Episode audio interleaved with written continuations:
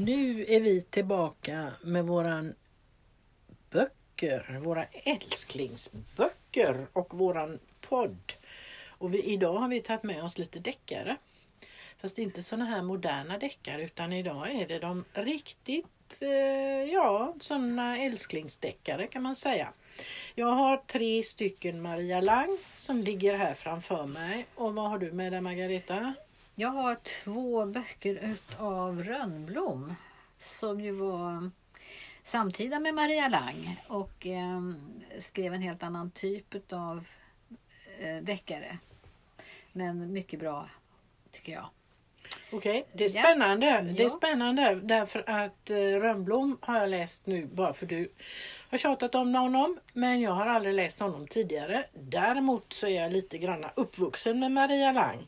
För Maria Lang hon, hon skrev ju, alltså det är ju så länge sedan som hon skrev så att det var ju sådana böcker som min mamma läste. Och då så var det ju så på den tiden att då fanns det ju inte så himla mycket böcker och så himla mycket tv-program och så utan eh, då läste jag dem liksom lite grann i smyg. Så det, det är min bild av dem. Jag, de var nästan lite förbjudna på något vis när jag läste dem. Jag vet inte, har du läst Maria Lang? Absolut. Eh, jag läste henne, började läsa henne när jag var 12 år.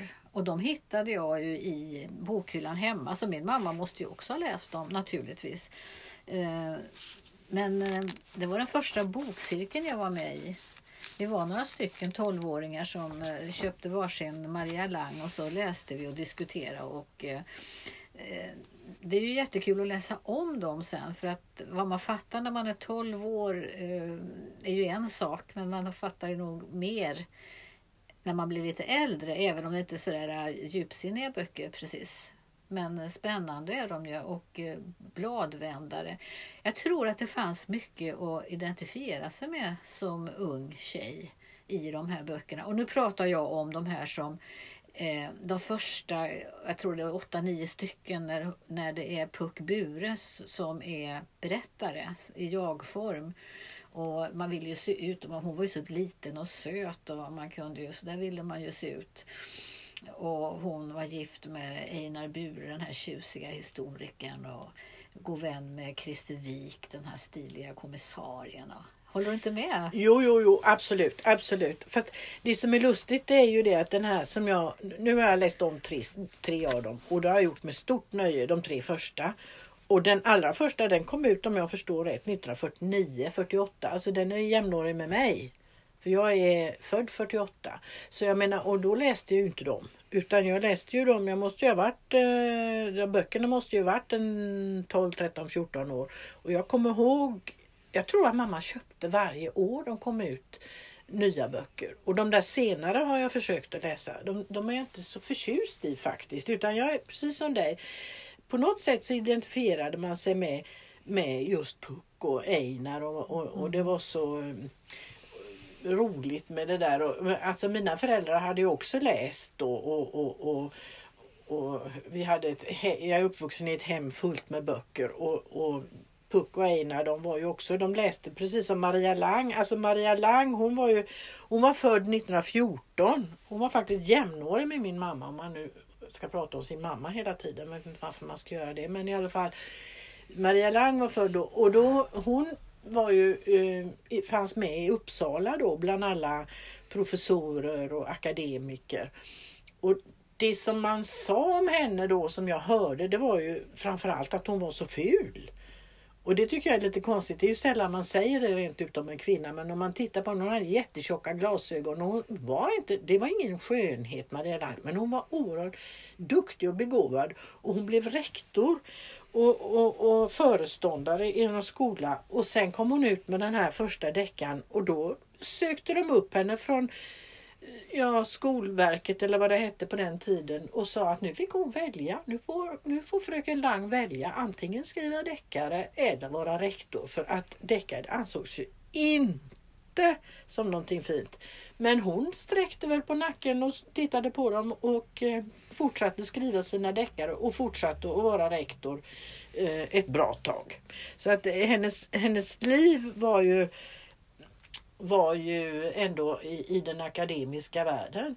Men sen efter det att hon blev pensionär då och flyttade hon till Nora. Då som är, som är den här eh, Skoga.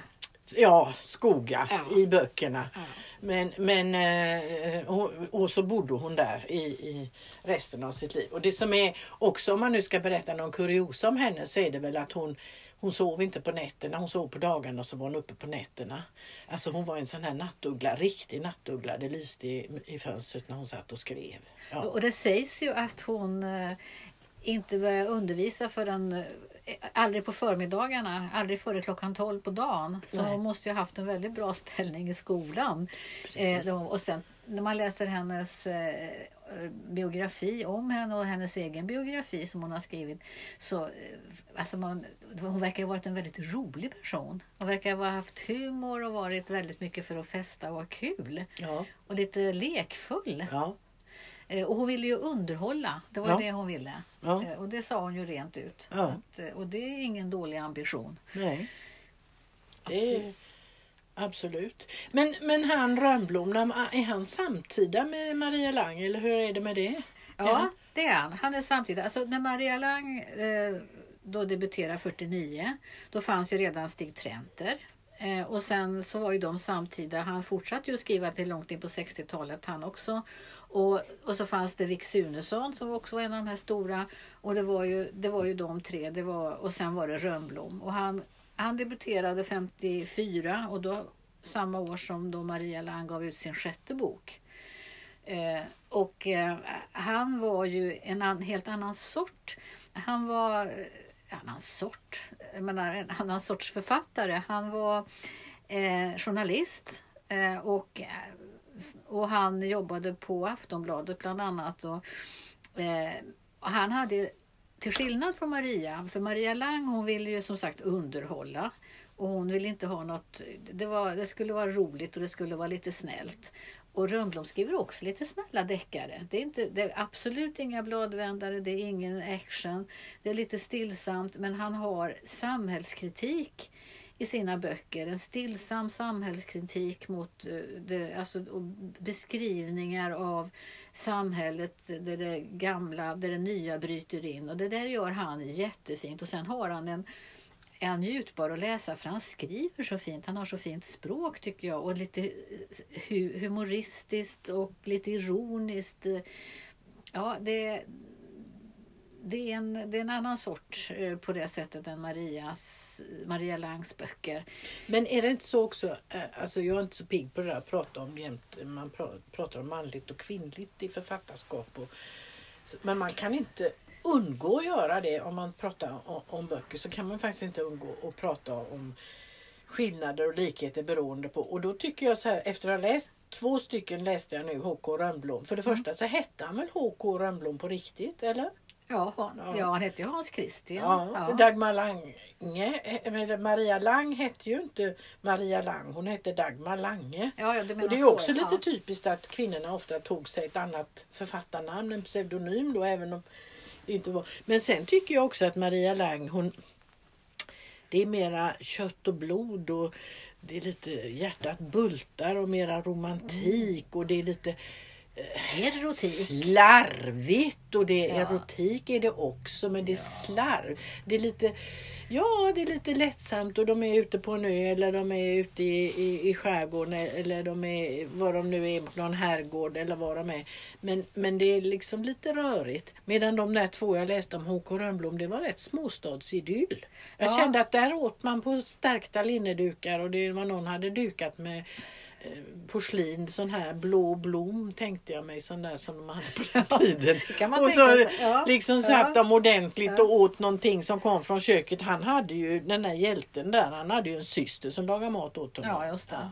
Mm. Eh, ja, eh, han eh, Paul Kenneth historielärare som beskrivs som en väldigt färglös person. Ja. Alltså en sån där som man nästan inte ser, som man inte kommer ihåg sen att man har träffat. Han är hjälten i hans böcker och det är ju Precis. lite intressant. Det är ju ingen att förälska sig i precis. Nej, absolut inte. Men han... Och sen skriver han ju som du säger om små, småstaden. Eh, och han skriver ofta om en, eh, alltså en fiktiv småstad i eh, Norrland. Eh, Rönnblom jobbade en period i Härnösand så man kan väl gissa att han har tagit lite inspiration därifrån och eh, de, det är möjligt att Härnösandsborna känner igen sig i någonting, jag vet inte. Men eh, eh han eh, skriver om, om, och sen skriver han inte om akademiker, absolut inte, en helt annan värld. Han skriver om Alltså han är mycket mer folklig på det sättet än Maria Lang. Maria Lang, där är det ju liksom, sen kom ju operasångerskan in och så i hennes böcker. Det är ju, något sånt finns inte i hans, utan här skriver han om, ja det är för småföretagare och det är kommunaltjänstemän och det är ja, arbetare och eh, ja, brevbärare och lite sånt folk. Det är liksom Det- det här lite still, och så är det väldigt stillsamt. Jaha, men, men ja, Härnösand, tror du att de har någon... eh, De, det finns inga vandringar i Håkon Rönnbloms fotspår? Eller något? Inte vad jag vet. Nej. Inte För vad det jag finns det vet. faktiskt, Maria Lang. Eh, När jag körde ner eh, med bilen eh, norrifrån och hem en gång så stannade jag i Nora och gick en Maria Lang-vandring. Och så bodde jag på Stadshotellet och då fick man en Maria Lang-glass. Alltså, det var väldigt, men det var ingen rusning, det var bara jag på vandringen. Men icke desto mindre var det väldigt roligt och det var hennes systerson som guidade och pratade och det gjorde han jättebra. Så att, eh, nej men hon, de försöker ju ändå hålla henne, hennes, de har ju gjort filmer också men de vill inte jag se. Alltså det är ju hemskt det där. Men, alltså för mig är det ju så här att Puck och Einar, de har ju, huvudpersonerna, de har ju åldrats i takt med att jag själv har gjort det. Och, och, och på filmen var det ju 20-åringar som spelade. Det blev lite konstigt i huvudet på mig på något vis. Men det var ju inget fel på det. Det var ju säkert bra. Men man, man, man försökte som du säger lyfta henne för några år sedan då Ja. med filmerna och så kom det lite nytryckta böcker och så. Och även två böcker Olof Rönnblom dök ju plötsligt upp i nytryck. Men bara två av de tio som han skrev. Maria Lang har ju skrivit, jag tror hon har skrivit 44 böcker och så har hon skrivit några ungdomsböcker och några filmmanus. Så hon var ju väldigt mycket mer produktiv. Men jag tänkte bara säga det att som ung när man läste de här så lärde, man, lärde jag mig några nya ord. Eh, hon skriver mycket om mode, har du tänkt på det? Ja, Alltså det, beskrivningar av hur Puck står och väljer mellan eh, den röda som visar magen och den eh, gula som ja, hänger fint på kroppen och så.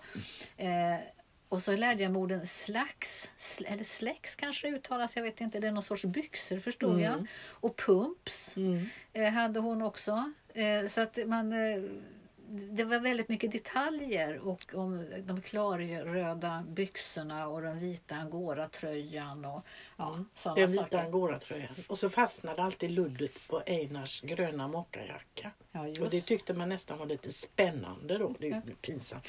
Men jag tänker på en annan, ett annat grepp som hon har. som jag eh, det är ju den här idyllen. Alltså varför läser man det här då? Jag läser med stor behållning. Men alltså det är ju på den här, det finns en som heter Tragedi på en landkyrkogård.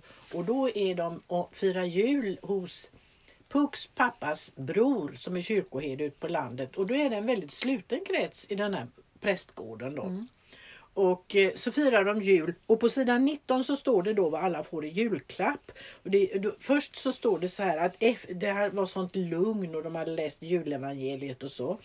Men sen så småningom så tände de de tre elektriska lampor, bara det. Alltså de tänder de elektriska lamporna. Och så får man reda på vad alla har fått i julklapp för då kan de titta på det i det här elektriska ljuset. Och Einar han har fått en ribbstickad slipover som hon har stickat till honom. Och eh, sen har, har han kyrkoherden själv, han har fått en stor sjal som dottern Lotta har stickat åt honom som han virar om halsen. Och sen har eh, Pucks pappa han har fått någon för, för, sån här tysk avancerad arkeologibok som de har köpt på ett antikvariat i Paris, kommit över av en händelse. Och själv har Puck fått en närtspäls som pappan och Einar har samlat ihop till henne. Och då var jag tvungen att slå upp. Alltså närtspäls, vad är det? Det är minkpäls. Idag kostar de ungefär 12 000 såg jag på när jag googlade på det. Men jag menar ingen människa idag köper ju minkpäls. Så det är så mycket sådana här tidsmarkörer som är roliga. Men sen kommer det på nästa sida som jag tycker då apropå, för man kan läsa de här dels för att det är sådär lite nostalgi och så. Men sen står det så här. Julaftonsidyllen var fullständig och så är det tre punkt, punkt, punkt. Då ringde det på dörren. Och då vet man, då börjar det. Alltså på sidan 20 börjar det och sen bara trasslar det. Då är det en som är försvunnen och man kan inte hitta den och sen är det kyrkogården och sen är det och så vidare. Mm. Och så finns de där ingredienserna. Det finns den här underbara liksom tjocka husan som bara, bara bakar kakor och dukar och dukar in och mm. som, sånt som vi alla vill ha. Och så finns det en liten ungdom som far runt och säger sanningar och, och, mm. och så. Mm. Alltså, det är ju väldigt men, men så är ju moderna deckare också. De är uppbyggda på någon fast ram. Ja, precis. Någon, någon sorts formel av något slag. Men den här klarögda eh, ungdomen, den finns ju med också i eh, även hos Håkon Rönnblom, hans, som det hans syster som du pratade om. Ja. I Höstvind och djupa vatten eh, så är hon med syster Susanne. Hon är då en sån här, eh, hon följer med honom upp till den här lilla stan. Eh, en gudsförgäten eh, i, eh, uppe i Norrland. Och eh, där ja, där han har fått en tjänst som historielärare. Eh, han är lärare den här Paul Kenneth. Men han tycker om att just forska i historia, så han tycker om sådana lite olösta fall. Och då är det, börjar den boken med att det är ett olöst fall, någonting som ser ut att vara en olyckshändelse. Det är en man på moped som kör in i en ståltråd som har spänts över vägen. Eh, och det där tror man då eh, man upptäcker ju då att när det kanske inte var en olyckshändelse utan det verkar ju vara faktiskt mord. Men då, då följer hans syster Susanne med upp. Hon har en kärlekssorg och så följer, hon beskrivs då som en sådär väldigt glad, eh, lite käck, eh, tycker om att dansa och köra bil fort och, och, och säger massa eh, käcka saker. Eh, så det där är en figur som förekommer ofta i de här böckerna. Tycker jag, jag. tror att det är en litterär gestalt. Jag tror ja. att om man, om man började titta på det. För jag kommer plötsligt ihåg Usch, det låter som jag alltid ser Jane Austen-filmer men de är nog väldigt eh, typiska också. Där finns också en, ja. ofta någon liten ung tjej som eh, är väldigt klarögd. Men det är ju lustigt det där med ålder då. För då tänker jag på den här Ros och kyssa döden. Där fick jag en chock där de beskriver gamla disponenten som är liksom så Oh, han är så spröd han är så bräcklig, han är så gammal och oh, oj, oj, oj. Och sen plötsligt går det upp för mig, han är 73 år. alltså, det är ju det är också tid. Ja, alltså, visst. Men äh, ålderdomen hos honom beskrivs verkligen. Detta, dessa 73 år, det är nästan som en belastning. Liksom. Då, är det, då ska man skriva testamente och ja. Ja, men det var också en annan tid. Det var en jag annan tid. 70-åringarna var äldre på den tiden ja. än vad 70-åringarna idag. De här tre böckerna som jag, alltså då, då, den ena är ju på, i den där prästgården. Det är en sluten krets där. Den där Ros och kyssar och döden, det är på en liten herrgård ute i Värmland. Alltså man bara önskar att man kunde åka dit, Bergslagen. Och, och en sluten krets där. Och mördaren ljuger inte ensam. Där firar de någon sorts kalas ute på en ö i en insjö. Och då, då, kan man ju tänka också, det är det där med igenkänning. Jag, jag känner igen mig i de här miljöerna. Jag vet inte hur mycket det betyder men eh, Sen flyttade Maria Lang, började hon skriva om helt andra saker eller helt andra miljöer för hon drar ju in till stan så småningom. Mm. Mm. Men jag tänkte på det där som du sa om idyll. Eh, det H.K. Rönnblom försöker i sina böcker det är att visa på den där eh, revan i idyllen. Han försöker krafsa lite på ytan och visa att den där idyllen inte är så idyllisk. Eh, och hur motsättningarna mellan nutid och, och eh, gamla tiden att, eh, då, som finns. Jag ska läsa inledningen alltså, till en bok som heter Senatorn kommer tillbaka. där he, första halva boken är väldigt eh, fin beskrivning över ett gammalt samhälle då på 50-talet och just de här motsättningarna eller den, det nya som spränger in i det gamla. Får jag läsa ett, ett stycke här Ja. bara för att visa hur han skriver? Jag tycker han, han skriver så himla fint. Mm. Eh, det här handlar om en liten by som man kallar för Kädla. Jag tror inte den finns i verkligheten, det vet jag inte, men det tror jag inte. Eh, och dit kommer Paul Kenneth eh, en kväll. Han råkar hamna där för att det var något, det var något fel i hans, på hans tåg så han blev kvar där. Folket i den inre tätbyggda delen av byn säger för övrigt inte byn, de säger samhället. Det kan de ha rätt att göra för Kädla är inte någon vanlig bondby nu längre. Visst finns det gamla bondhemmanen kvar som utgjorde grunden till byalaget. 12 till antalet som apostlarna om 15 till 20 tunnland öppen jord jämte tillhörande skogsskiften. Men under senare år har bondbyn vuxit ut och förändrats. Det finns två stora affärer, en enskild och en kooperativ där man kan köpa nästan allting och en liten sybehörsaffär där man kan köpa återstoden. Av hantverk finns bilreparation och damfrisering samt för det dagliga brödet ett bageri förenat med en kaférörelse. Caféet innehåller eh, Caféet håller sig med en jukebox som utgör ortens nöjesliv. Okej, det är fint. Det är fint, ja precis. Nej, så där beskriver han det här samhället då och eh, att sen att det kommer in trafikflyg och det blir lite, hotellet byggs ut och eh, den som driver hotellet är stockholmare men lycklig är han inte. Han lider av lappsjuka och längtar tillbaka söderut. Eh, så att han skriver om det här eh, utvecklingen i på den här lilla orten som då för övrigt betonar väldigt mycket gemenskapen i den här byn. Men man är också lite ense om vilka man ska hålla lite utanför.